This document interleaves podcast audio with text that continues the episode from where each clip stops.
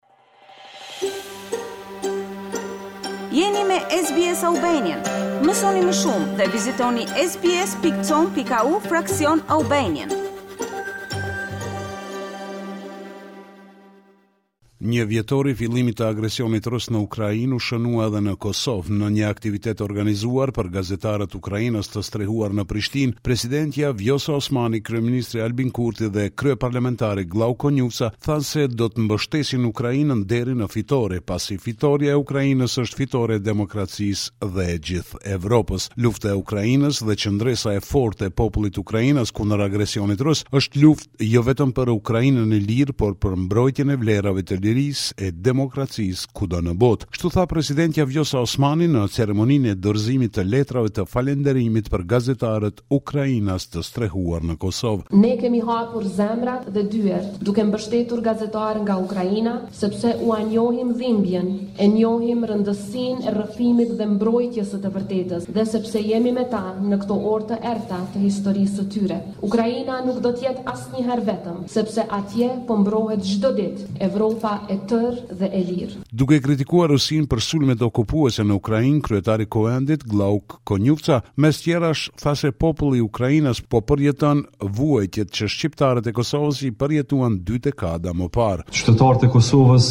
para njëzet e katër vitesh ishin këpucat tuaja. Ne u përballëm me një regjim gjenocidal i cili vrau qytetarë të pafajshëm, fëmijë, gra e pleq, dhe i cili regjim e shtet jo vetëm që i bëri të gjitha këto, po kurrë nuk u distancua.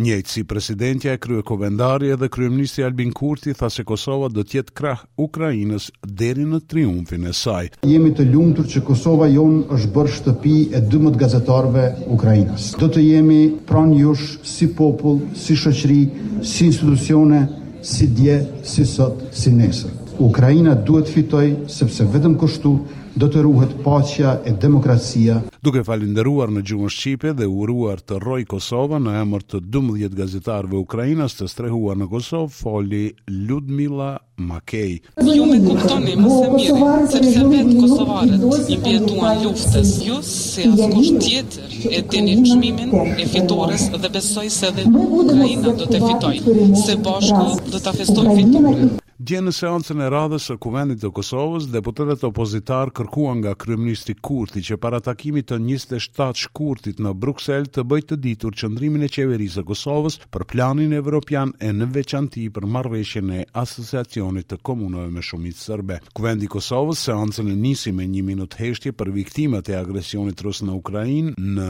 njëvjetorin e luftës. Duke u ndërlidhur me luftën atje, kryetari i AAK-së Ramush Haradinaj tha se Kosova mund ta ndihmojë koalicionin global kundër Rusisë duke pranuar planin evropian, i cili sipas tij do ta shpie vendin përpara në planin e sigurisë. I vetmi vend besoj në botë që nuk i gëzohet arritjes marrëveshjes është Rusia. Rusia s'ka asnjë interes që të ketë marrëveshje Kosovë-Serbi. Si mundet me vepru Kosova? Po, mundet t'hanen me e mbyll marrëveshjen. Pra me e mbyll, jo vetëm me dhonë sinjale pozitive, por me e mbyll marrëveshjen. Në emër të LDK-së, deputeti Avdullah Hoti kërkoi nga kryeministri Kurti që para takimit të së hënës në Bruksel të deklarohet në Kuvend për qëndrimin e tij ndaj planit franko-gjerman dhe marrëveshjes për krijimin e Asociacionit të Komunave me Shumicë Serbe. A është kryeministri kundër kësaj marrëveshje, apo është kjo çështje e mbyllur, sikur që u deklaru presidentja për çështjen e demarkacionit? A insiston kryeministri vetëm në marrëveshje për njohje reciproke, apo është i gatshëm ta pranojë marrëveshjen pa njohje, duke lënë problemin të hapur për qeverinë e ardhshme? Edhe deputetja e PDK-së Ariana Musliu Shoshi kërkoi më shumë detaje për planin franko-gjerman dhe temat që kryeministri do t'i negociojë të hënën me presidentin serb Aleksandar Vuçiq në Bruksel. Duke iu përgjigjur deputetes së PDK-së, Kurti tha se në propozimin franko-gjerman nuk përfshihen kërkesa specifike të palëve. Nuk është që unë kam kërkuar diçka e është në atë propozim, ose pala tjetër.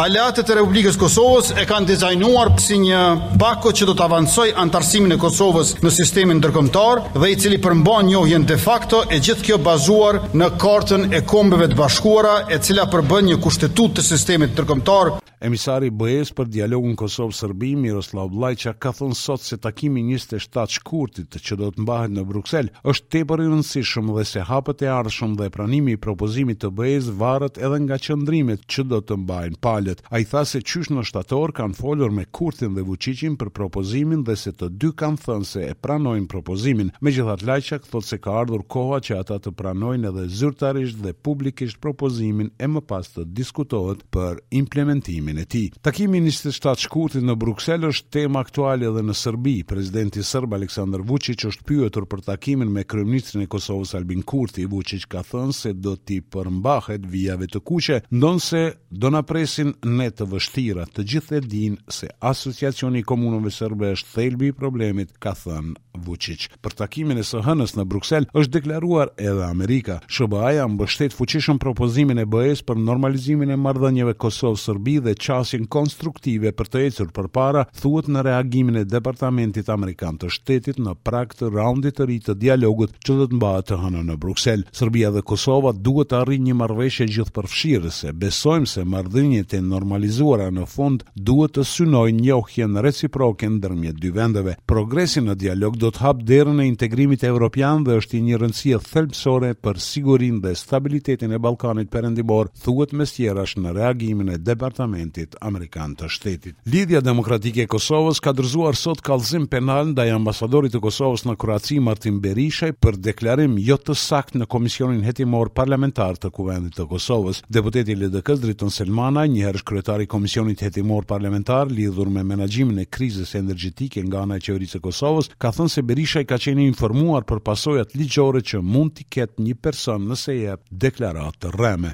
Dorëzuam në Prokurorinë Speciale të Prokurorisë së Kosovës një denoncim ose themi kallëzimin penal rreth dëshmisë jo të saktë dhe jo të vërtetë, që ambasadori Martin Berisha ka bërë para këtij komisioni. Prandaj me qëllim që të mbrojmë ne dinitetin e Kuvendit Kosovës. Të mbrojmë dinitetin e kësaj republike. Ne nuk mund të tolerojmë situata ku vjen një ambasador dhe vjen një dëshmitar dhe gënjen. Ne i kemi ofru gjitha dokumentacionin e nevojshëm dhe tash presim që të zbardhet e vërteta. Për dhjetë orë rresht është bastisur banesa e ish-këshilltarit të ish-presidentit Hashim Thaçi, Adil Behramaj, nga ekipet e Speciales në Hagë. Avokati i Behramajt, Artan Qerkini, tha se tërë kjo bastisje lidhet me një pretendim të Prokurorisë së Specializuar për një vepër penale që sipas tyre është brenda jurisdiksionit të këtyre dhomave. Ai tha se nuk specifikohet se për çfarë vepre penale bëhet fjalë teksa nuk ka urdhër arrest për Behramajn. Për Radion SBS, Mendu Hysa, Prishtinë.